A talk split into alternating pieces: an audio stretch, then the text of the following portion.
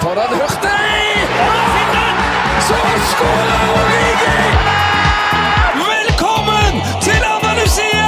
Gutten har blitt en mann! Det blir for mye rør! Det er bullshit. Det er goal! Det er goal igjen! Der var reprisen, sorry. Da er det hens. Hens, hens, hens. Alt er hens.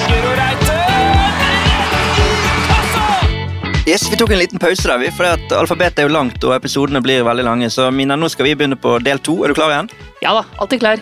Og Kristina, klar? Ja. Da ruller vi videre.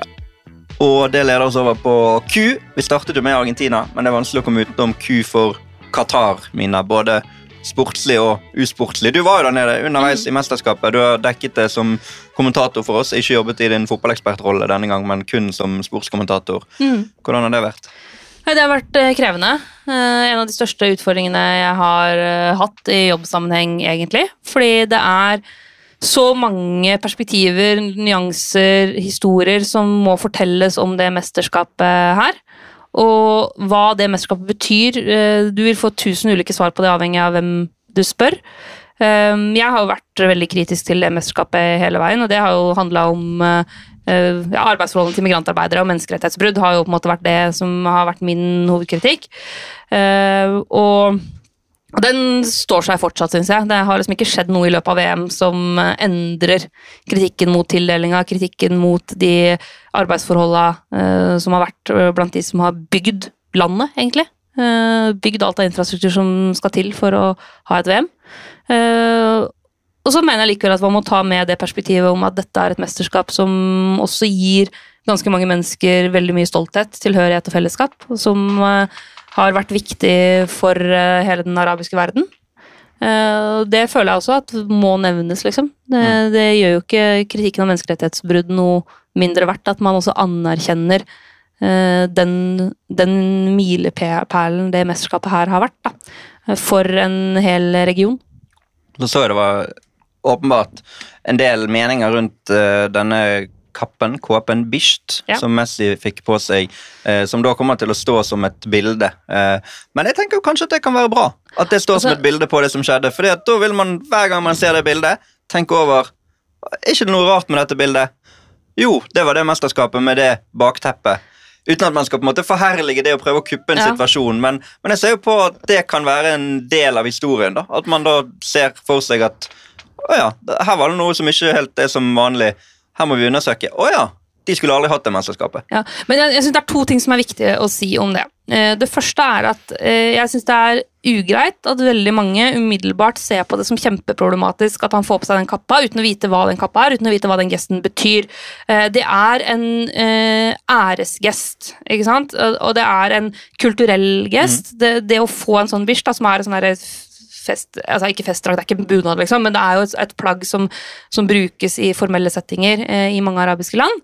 Eh, det å få en sånn, det er et tegn på respekt, og han får det fordi han er tidenes beste og alle de greiene der. Eh, og det i seg selv er jo ikke problematisk, liksom. Eh, vi må se for oss hvordan hadde vi eh, reagert hvis VM-finalen skulle vært spilt i Mexico, da, og, og noen hadde kommet med en sånn tradisjonell poncho som representerer den byen VM-finalen er i, liksom. Ja, vi må prøve å sette inn i den konteksten. Det fins jo bilder av Pelé fra VM i Ja, 1970 så, så vi, vi må, må være forsiktige med å gå i den der, eh, fella hvor vi automatisk tenker at dette har noe med Midtøsten å gjøre, og derfor er det problematisk. ikke sant? Så ting nummer to er jo selvfølgelig den plassen liksom, politikken får også på medaljeseremonien. Og at for Qatar sin del så er det jo eh, kjempejackpot at eh, nå vil de for alltid være forbundet med et av de største og mest ikoniske øyeblikkene i fotballhistorien. Hver gang historien om Lionel Messi skal fortelles, så vil Qatar ha en sentral plass. Ikke sant? Og Det er jo PR som er vanskelig å kjøpe for penger. Eh, men, men akkurat det at man får den finalen, at er eh, Lionel Messi løfter det VM-trofeet etter så mange år, liksom, det vil for alltid være nært knytta til Qatar. Eh, og jeg så et sånt, Det intervjuet som VM-sjefen gjorde med Piers Morgan i starten av VM, så sier han jo på tampen om at han, VM-sjefen håper jo at England vinner VM. Fordi det ville vært fantastisk, eh, for da ville engelsk fotballhistorie for alltid være knytta til Qatar. Mm. Det fikk han ikke, men han fikk at historien om Lionel Messi for alltid kommer til å være knytta til Qatar. og et Qatar-VM som åpenbart har skapt diskusjoner, som kommer til å være et mesterskap forbundet med det bakteppet som har vært der, i hvert fall i vår del av verden, til evig tid, men som også har gitt oss noen enorme sportslige oppturer, Kristina. For det har jo vært mye spennende fotball å følge med på. Eh, enormt. Eh, det er vel kanskje det som har vært eh, Hvis det går an å si fordelen med at et mesterskap legges midt i en sesong, er at du får spillere som er i toppform. De er ikke utmattet etter å ha spilt i nesten et år i, i strekk og skal avslutte her nå. De, er, de har lada opp hele høsten til eh, dette her, og vi har fått noen elleville opplevelser rent uh, sportslig. Eh, avslutta med finalen, som på en måte ga oss det meste som var mulig å, gi oss. Det ga oss, som du nevnte i stad, det første afrikanske landet noensinne i en semifinale i et, et VM. Ja, utrolig har det vært, rent sportslig. Så vil det være en bismak der, og det skal være en bismak der. eh, også når vi snakker om det sportslige. Og det er jo eh, Det jeg kanskje syns er det mest interessante med dette VM-et, er hvordan det har blitt verdens eller tidenes mest politiske VM, fordi jeg har rent personlig aldri lært så mye om eh, relasjoner mellom nasjoner, kolonimakter, eh, okkupanter, situasjonen for menneske, eller altså rundt menneskerettigheter i ulike land som det har gjort i dette VM-et. Eh, og det er vanskelig å si, men hadde det ikke gått i Qatar, eh, så er det ikke sikkert at vi hadde lært så mye om de tingene, uten at jeg mener at det er rett at det ble arrangert i Qatar av den grunn. Det er tankekors, det. Absolutt. Jeg tror vi hopper videre til R, som vi har satt for eh, et etternavn som eh, i hvert fall Ja, ja, to. I hvert fall to, kanskje enda flere, har eh, frontet dette året, og det er Riise, Kristina. Vi kan begynne med Hege Riise, som har blitt landslagssjef, og som ledet Norge til VM på første forsøk. Det skal sies at mye av jobben var Jo eh, gjort eh, var gjort. akkurat rundt den VM-kvalifiseringen, men hun, har, hun gjorde det på første forsøk og har fått lov til, eh, sammen med den nye landslagsledelsen, å bruke høsten på å bygge eh, et nytt fundament rundt eh, det norske landslaget, som eh, i høst har levert gode prestasjoner, særlig mot eh, Nederland og England, og for så vidt Frankrike også, selv om de tapte der, men spilte 1-1 mot England i en treningskamp bare måneder etter at de blei totalt overkjørt i, eh, i EM. Så Hege Rises landslag er eh, startet høsten 2022, og det skal vi følge videre. Men en annen Riise som startet eh, sitt eventyr på kvinnesiden av fotball noe tidligere, men som da brukte 2022 til å fronte dette eventyret, det var Jon Arne Riise. Ja da. Eh, Med Avaldsnes, som jo store deler av sesongen så helt død og begrava ut. Veldig ungt lag, det skal sies. Eh, Så det er jo mange spillere som er veldig i startfasen av karrierene sine.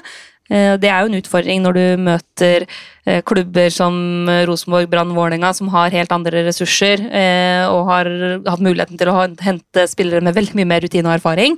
Eh, Men Jon Arne Riise har så til de grader prega toppserien, og bringer jo inn en helt annen type oppmerksomhet enn det man eh, har fått tidligere.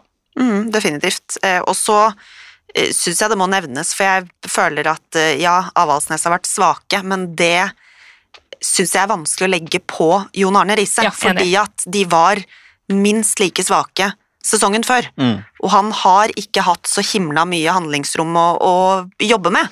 Men han har, eh, som Mina sier, skapt oppmerksomhet rundt en båndklubb i toppserien, som kanskje ikke ville fått noe oppmerksomhet i det hele tatt hvis ikke han hadde vært der. Eh, han gjorde jo åpenbart noe med dette laget fra eh, våren til høsten, og det var jo høsten det gjaldt Ja, og det kommer vi tilbake til etterpå, men eh, til. våren var jo i praksis treningskamper eh, for de lagene på nederste halvdel av tabellen. Ja, og de klarte å bli tredje sist da, i dette nedrykkssluttspillet, som det så pent heter, og deretter redde plassen på mest dramatiske De klarte også å bli tredje sist på dramatisk vis. det Så, gjorde de eh, også. Fan av Riise på TV2 Play kan anbefales hvis man vil gjenoppleve Mm. Både den dramatikken der, men også få et lite innblikk i hvordan han har jobbet med, med laget og med disse jentene gjennom sesongen. Um, neste bokstav har vi jo for så vidt vært innom Mm. uh, allerede, men det er jo et ord som har blitt brukt veldig mye i år, Mina. Kanskje mer enn noensinne. Ja, sportsvasking. Eh, Vi har jo snakka en del om det, men så jeg lurer på om vi like gjerne skal bare dra det et hakk videre til Saudi-Arabia. Mm. Fordi nå har vi snakka masse om Qatar, og så har vi snakka ganske lite om Saudi-Arabia. Samme bokstav. Eh, Som i 2022 jo viser en gang for alle at de er på full fart inn i fotballen. Eh, De ønsker å tråkke opp den samme løypa som Qatar og Emiratene har gjort tidligere. Både med tanke på å skaffe seg en klubb, Newcastle, og også ser det ut til å ville arrangere store store internasjonale mesterskap, også i fotballen. Um, så Saudi-Arabia kommer til å være en sånn maktfaktor å regne med i internasjonal fotball i åra framover. Uh, I starten av sommeren så var jeg på en veldig interessant konferanse i Danmark som heter Play the Game, som er en sånn samling av gravejournalister fra hele verden, egentlig, innenfor ulike deler av, av sportsjournalistikken. Uh, og der var det også akademikere og andre, og det ble påpekt et par ganger der at Saudi-Arabia ser jo at det er et sånn vakt maktvakuum i internasjonal eh, idrett nå, etter at eh, Russland har blitt kasta ut. Det vakuumet eh, er Saudi-Arabia interessert i å gå inn og fylle. Og ta den plassen som Russland har hatt, hvis vi tenker på liksom makta i internasjonal idrett. Da. Så jeg forventer egentlig at Saudi-Arabia kommer til å trappe opp framover. Eh, og vi har snakka mye om Qatar, men Saudi-Arabia er verre hvis vi først skal begynne å rangere uh, land basert på menneskerettighetsbrudd og situasjonen for, for marginaliserte grupper, så er Saudi-Arabia på mange områder verre enn Qatar. Men de har også en mye sterkere fotballhistorie enn Qatar. Mm. Eh, det For det skader jo ikke at de slår Argentina i fotball-VM i år. Og, og i Saudi-Arabia så har du en veldig levende supportkultur. De har vært med i VM en eh, rekke ganger. De har eh, store lag som har prega asiatisk Champions League. Så de har liksom en helt annen fotballhistorie og kultur og tradisjon å bygge på da, når de nå er på full fart inn i maktkorridoren i internasjonal fotball.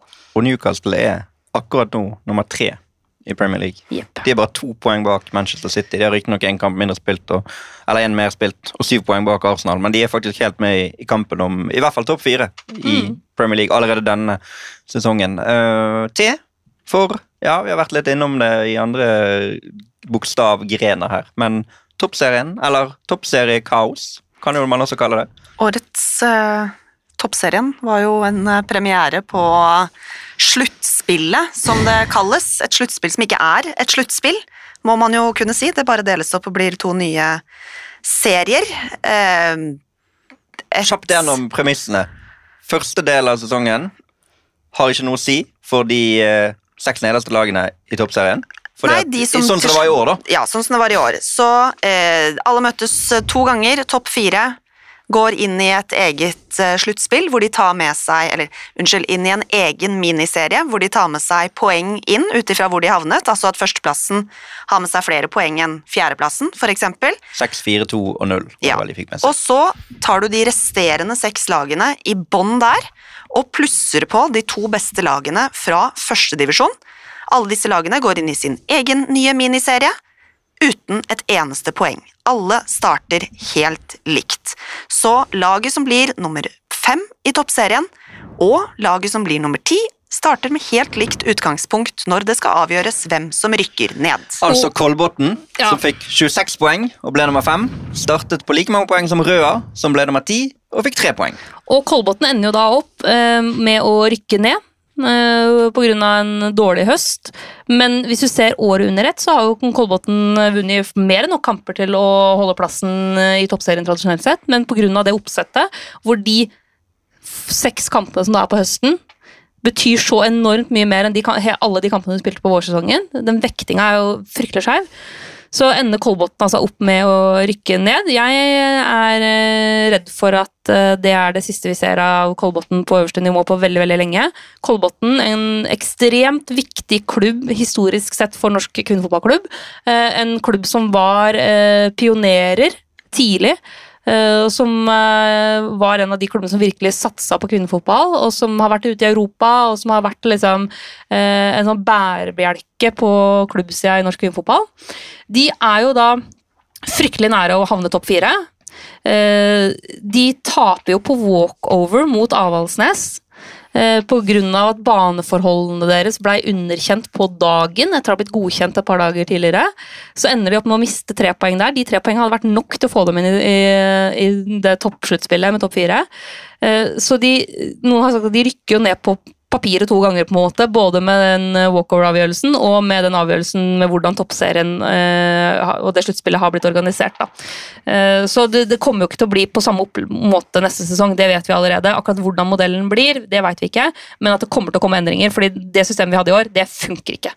Per nå er det vel bestemt at de fortsetter med den samme oppdelingen, men førstedivisjonslagene kommer ikke opp i det nedrykkssluttspillet og de bånd seks i toppserien tar med seg poeng ja. inn. Men siste ord er jo på ingen måte sagt her, fordi at eh, Brann, Vålerenga og Rosenborg har vel alle styrevedtak i klubbene sine om at de nå skal kjempe mot sluttspill i toppserien. Eh, så dette kommer jo til å fortsette inn i 2023 og mot seriestart, sannsynligvis, før vi finner ut av hvordan toppserien 2023 faktisk skal se ut. Og det som er ironisk, er jo at sluttspill ble jo altså Et av argumentene for at sluttspill skulle innføres, var jo for at de beste lagene skulle få bedre matching mot hverandre. Og nå kjemper topp tre i toppserien mm. mot den ordningen. Og Dette er også grunnen til at ikke vi kunne presentere terminliste for toppserien da vi hadde terminslipp for Eliteserien her for et par uh, uker tilbake. Uh, bare kjapp på det du sa med Kolbotn. Ja, de gjorde det for dårlig på høsten, men de visste hele veien hvordan premissene var. Ja, ja. Røa, som vi var innom i sted, uh, tok jo åtte poeng i dette sluttspillet, der de bare tok tre i begynnelsen. Så Geir Nordby visste noe han drev med hele veien. Visste at her er det de kampene, de syv kampene fra eh, midten av Ja, Når begynte det sluttspillet? Det begynte på høsten en eller annen gang. September. Ja, sant? ja, altså Forutsetningene var, jo, var jo klare, men det får jo enorme konsekvenser eh, for Kolbotn. Fordi de har jo ikke økonomiske ressurser til å holde tritt med Rosenborg, Brann, eh, Vålerenga, og så kommer er det jo flere storklubber på herresida som nå satser ganske tungt på kvinnesida. Så jeg tror det kommer til å bli veldig vanskelig for Kolbotn å komme seg tilbake igjen.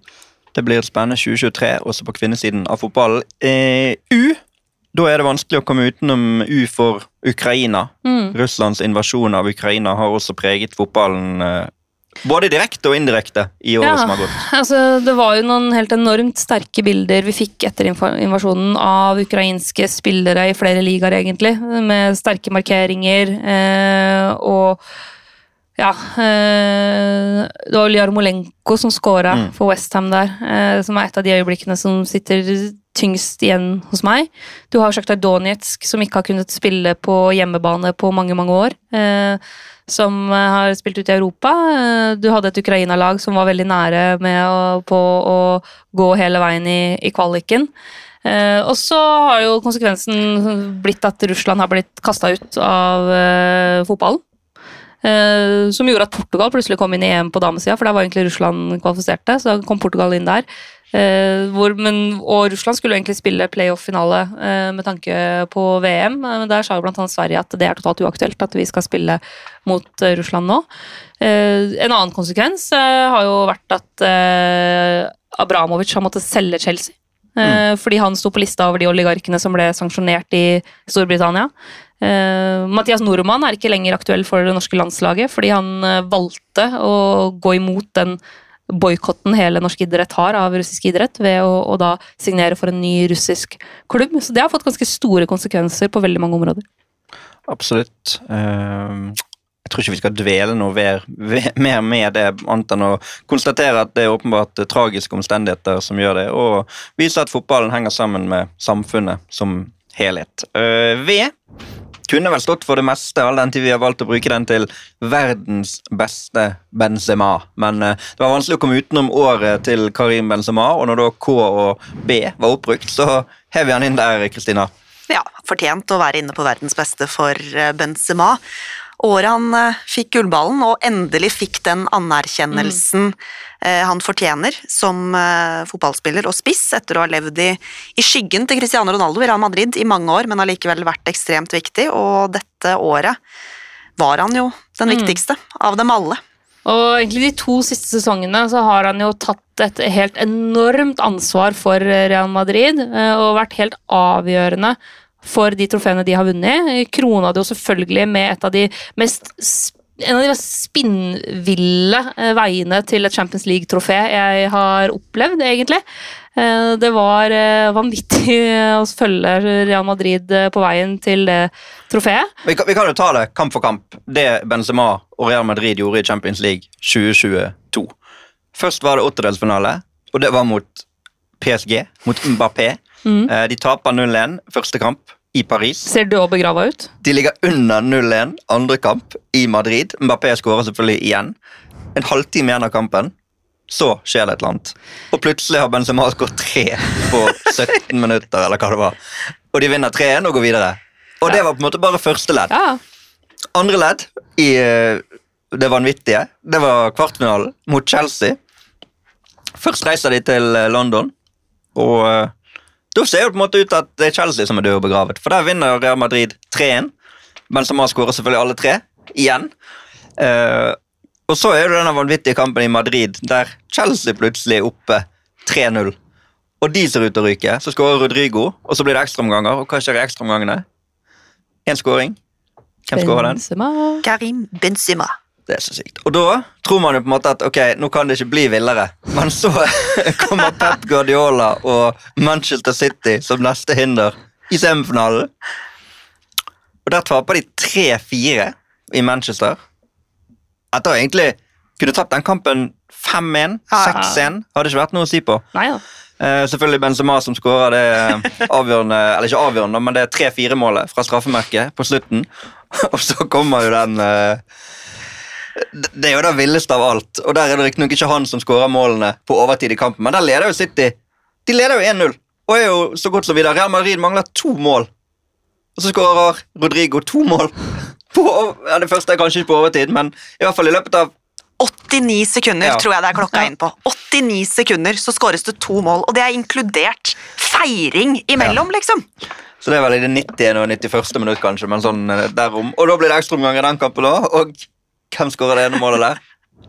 Karim Benzema. Så det, det manglet jo bare at det var han som ble matchvinner i Champions League-finale. Det ble han ikke. Men veien dit, Ja. det er det villeste. Ja, altså, han har båret Real Madrid på skuldra sine eh, så lenge nå, eh, og får jo så fortjent den gullballen, liksom, fordi han har vært så vanvittig god, eh, og det er så gøy å se at han endelig får den anerkjennelsen. Og så skal vi gi en liten, når vi er inne på verdens beste, eh, så skal vi gi en liten honorable mention til Thibaut Courtois, Ja. som eh, jo var verdens beste keeper og på mange måter vant den Champions League-finalen for Real Madrid, og han nå sto jo ellevilt i de andre eh, kampene. Ja da. Og Venitius skåret seiersmål i finalen. Og Eh, verdens beste Ancelotti, som blir den første treneren som har mm. vunnet Champions League eh, fem ganger, og som da Vunnet eh, ligaen i de fem Fem største store- ligaene. Ja, har vunnet i England, vunnet i Italia, vunnet i Spania, vunnet i Tyskland, vunnet i Frankrike. verdens beste Real Madrid, da, må vi Mm, kunne si, ja. i 2022. Selv om Barcelona leder serien akkurat nå. Ja. Så får det være godt nok. W, der òg satte vi jo litt sånn Hva skal vi bruke den til? Men Women's Footballs Coming Home. Det var innenfor. And it did. It Ja, ja. did. Til gangs. Vi har vært så vidt inne på uh, at Ada Hegerberg var tilbake for Norge, men vi var jo aldri innom selve mesterskapet.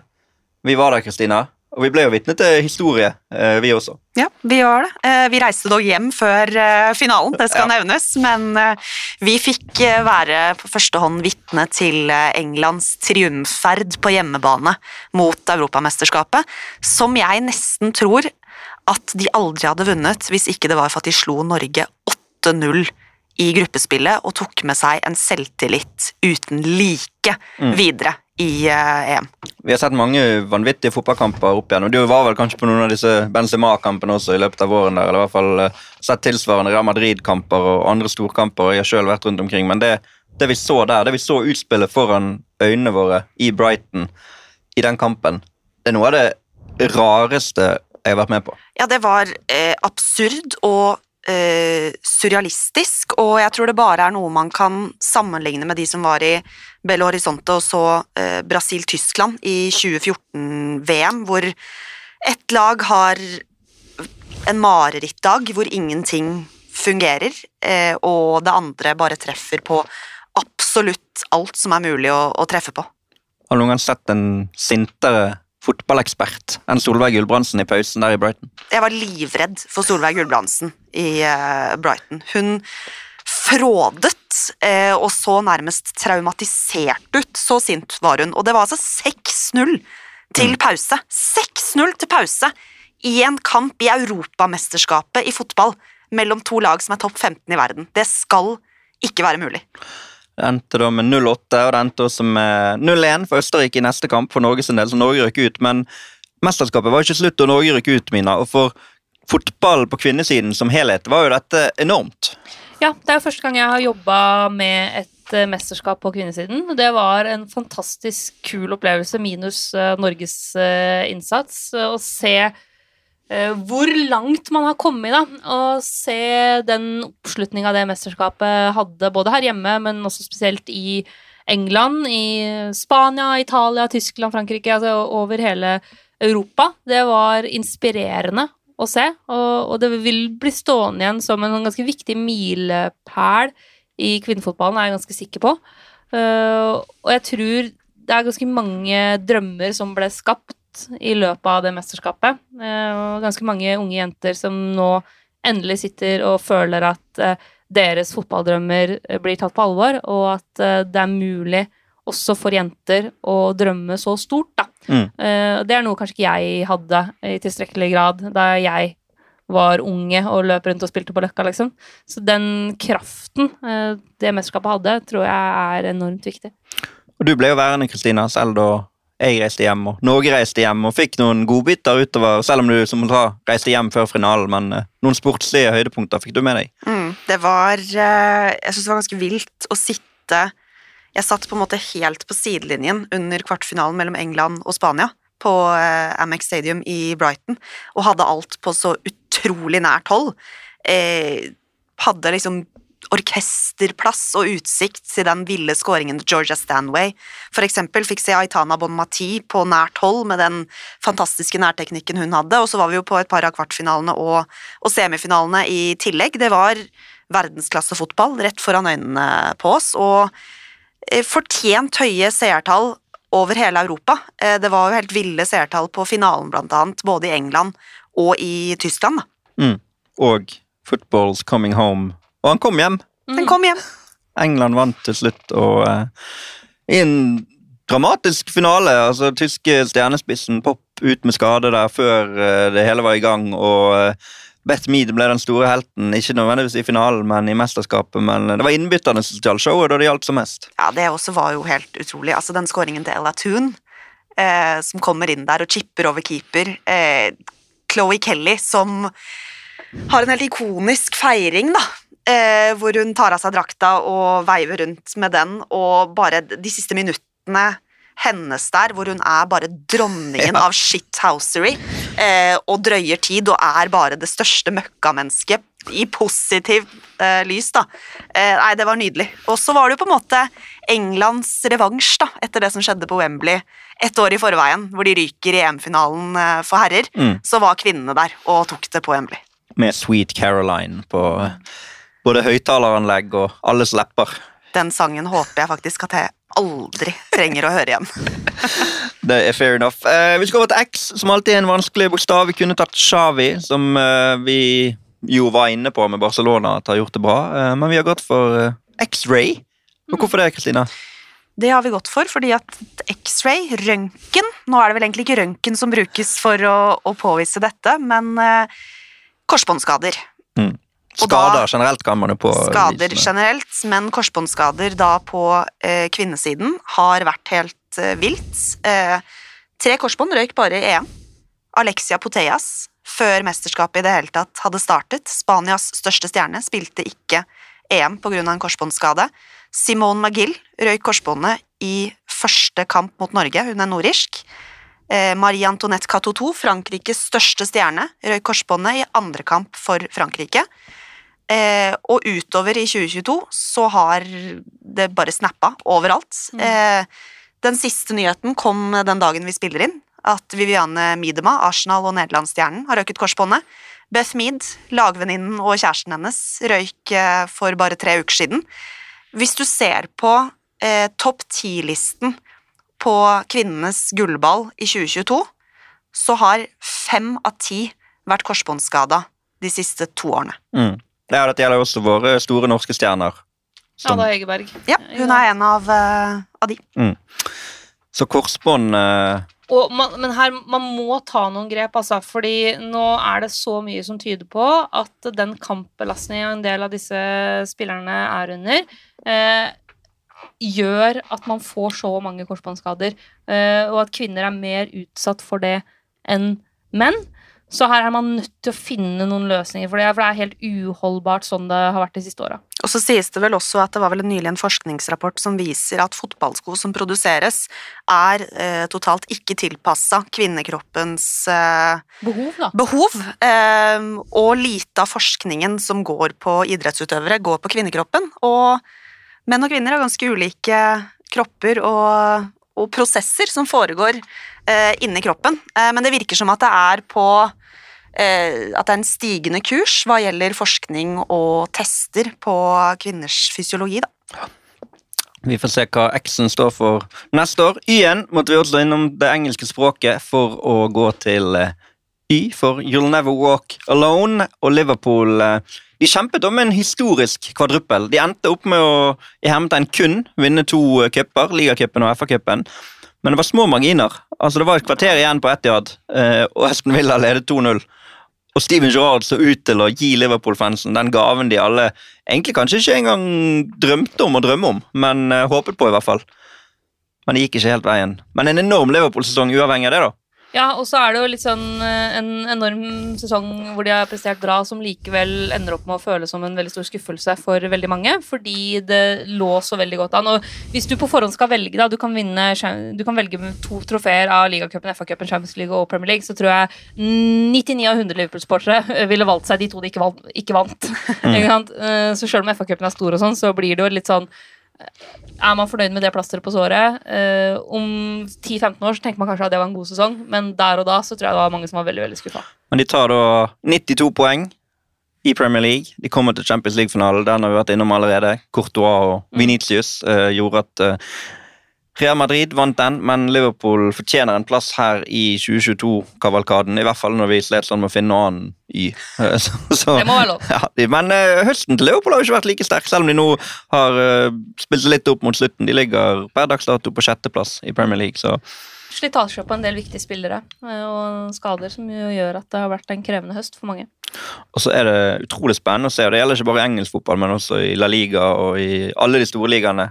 Hva, er VM, hva skjer Ja. etter VM? Altså mentalt. Eh, de som kommer hjem fra VM, har Og hvor fått mange spillere har du som har gått eh, langt i VM, kontra Mm. de som reiste hjem etter gruppespillet? Total belastning, eh, mentale oppturer og nedturer, alle de tinga der spiller jo veldig sterkt inn. Og så har du en del klubber som knapt har hatt en spiller i VM, og som nå har brukt halvannen måned på å kjøre preseason 2-0, Mm. som kanskje er supergodt forberedt inn i et nytt, tett program nå etter å ha fått litt pustepause og mulighet til å reorganisere seg. Interessant å se. Absolutt. Og noen av de største profilene i i hvert fall i engelsk fotball. Kanskje La Liga i så stor grad at de største profilene ikke har vært i VM, men i engelsk fotball er jo det absolutt sånn. Både en som vi har vært innom tidligere, og også en Mohammed Salah, for eksempel, som har kunnet lade litt batterier. En som ikke var i VM, og som eh, sikkert har ladet noen batterier, men som har vunnet ligaen igjen. Mina? Ja, Din mann? Zlatan Ibrahimovic. Ja. Eh, han var jo ikke megasentral i den vårsesongen som gjorde at eh, Milan tok sin første skudetto eh, på, på ti år. Eller over ti år, faktisk. Men han har jo likevel vært en viktig del av den gjenreisninga av AC Milan. Da. En, en av de virkelig store, tradisjonelle klubbene, ikke bare i Italia, men også i en europeisk kontekst, som har ligget nede med brukket rygg i et tiår, egentlig. Hvor man har hatt ganske mange sesonger hvor man har eh, slitt med å kanskje komme seg til Europaligaen. Man har til og med hatt sesonger hvor man eh, ikke har klart det. Eh, som plutselig var tilbake på toppen av den italienske fotballtronen. Og Zlatan har vært en viktig brikke i det gjenreisingsprosjektet. Og så syns jeg det er deilig at du kan liksom bikke 40 og bare innkassere eh, enda et seriegull. Og, det, eh, det er jo et av de mest imponerende seriegullene han har vært en del av, da. Sjøl om han ikke var så avgjørende, så er det likevel liksom en ganske uventa bragd at det Milan-laget der skulle vinne seriegull. Og i et år der Zinedine Zidane ikke har vært så synlig, så, Så blir det så Zlatan. Ja, ja. Enorm! Det, altså, gå inn og søk opp eh, de her feiringsscenene fra Milano. Eh, og Zlatan holder taler både i garderoben, men også til supporterne etterpå. på De her, eh, de festa jo i dagevis. Hadde jo ørter ulike fester. Mm. Eh, gå inn og se det. Det er eh, vel verdt å bruke noen minutter på. Er Det noen andre kandidater på sett. Det er liksom de to som er Slatko Sa Jeg var jo besøkte Slatko Savic i forbindelse med Slovenia-Norge i høst. Så kanskje han får en plass der igjen i fremtiden.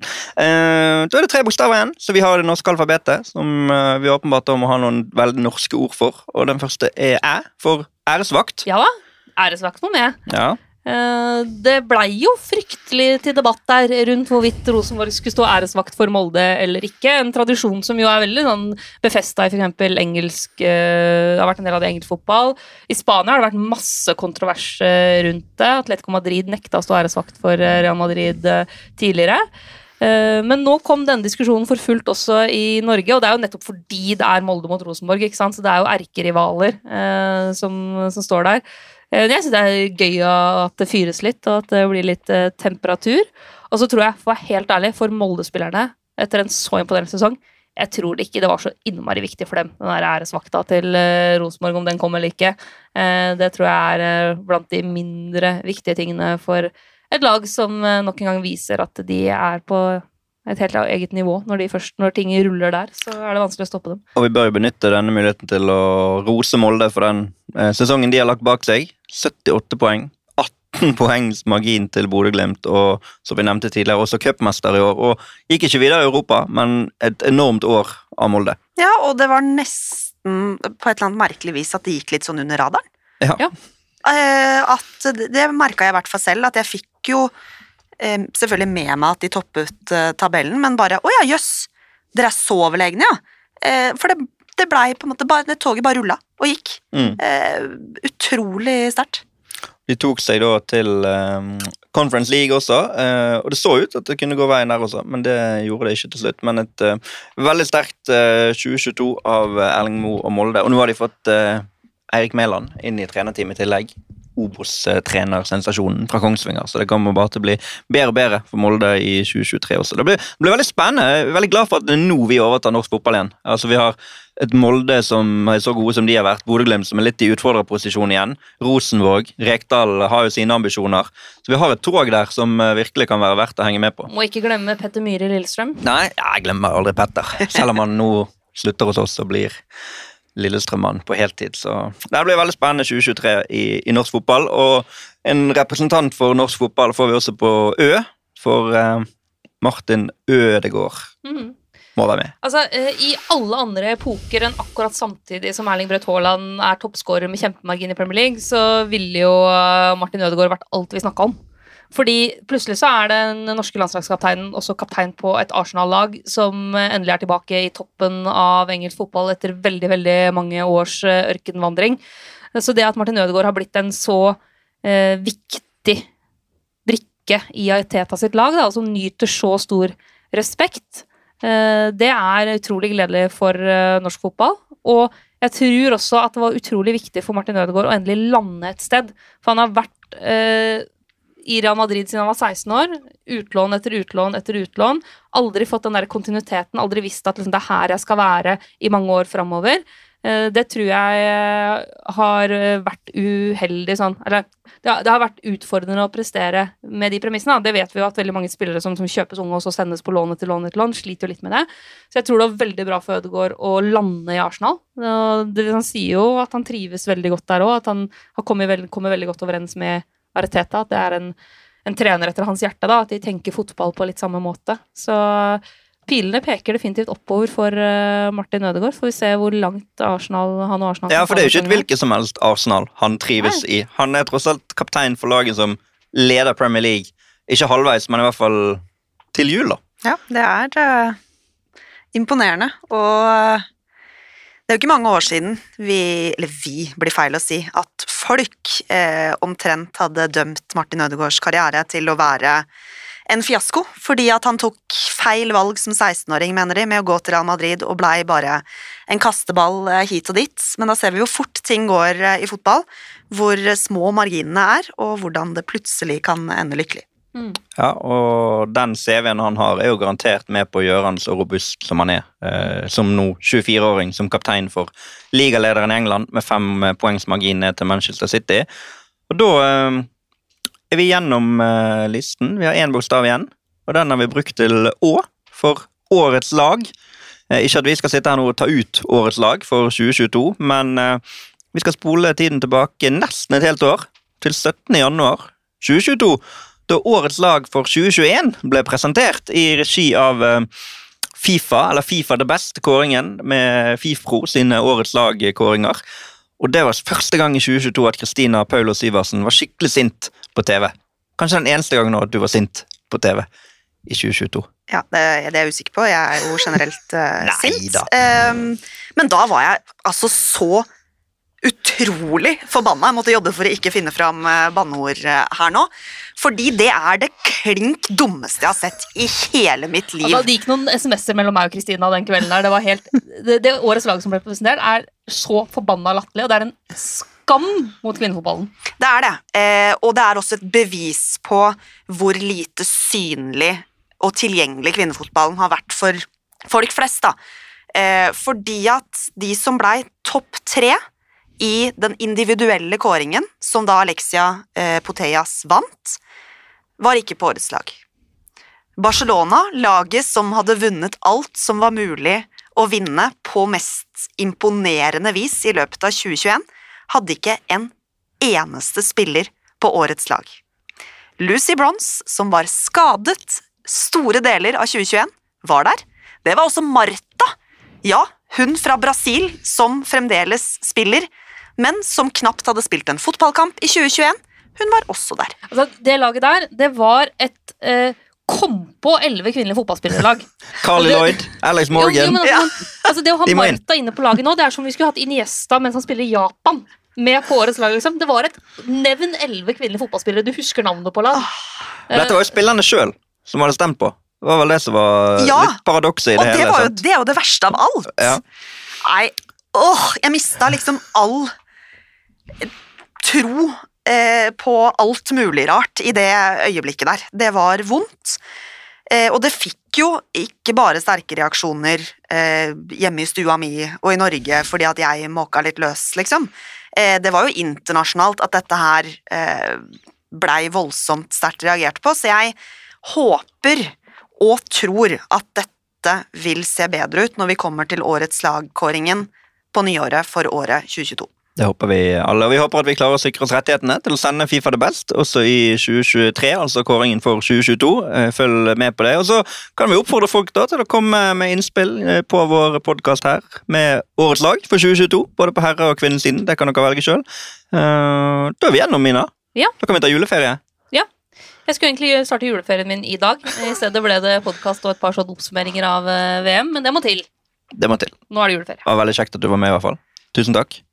Og tusen takk til deg, Kristina. Ikke sint, men blid. Bli veldig blid, klar for 2023. Det er veldig bra. Og det er jeg også. Takk for at dere har hørt på, og takk til moderne medier som fikser og fasiliterer for oss. Og så høres og ses vi i 2023. Så skårer Velkommen til Andalusia! Gutten har blitt en mann! Det blir for mye rør! Det er bullshit. Det er goal! Det er goal igjen! Da er det hens. Hens, hens, hens. Alt er hens. Guro Reite!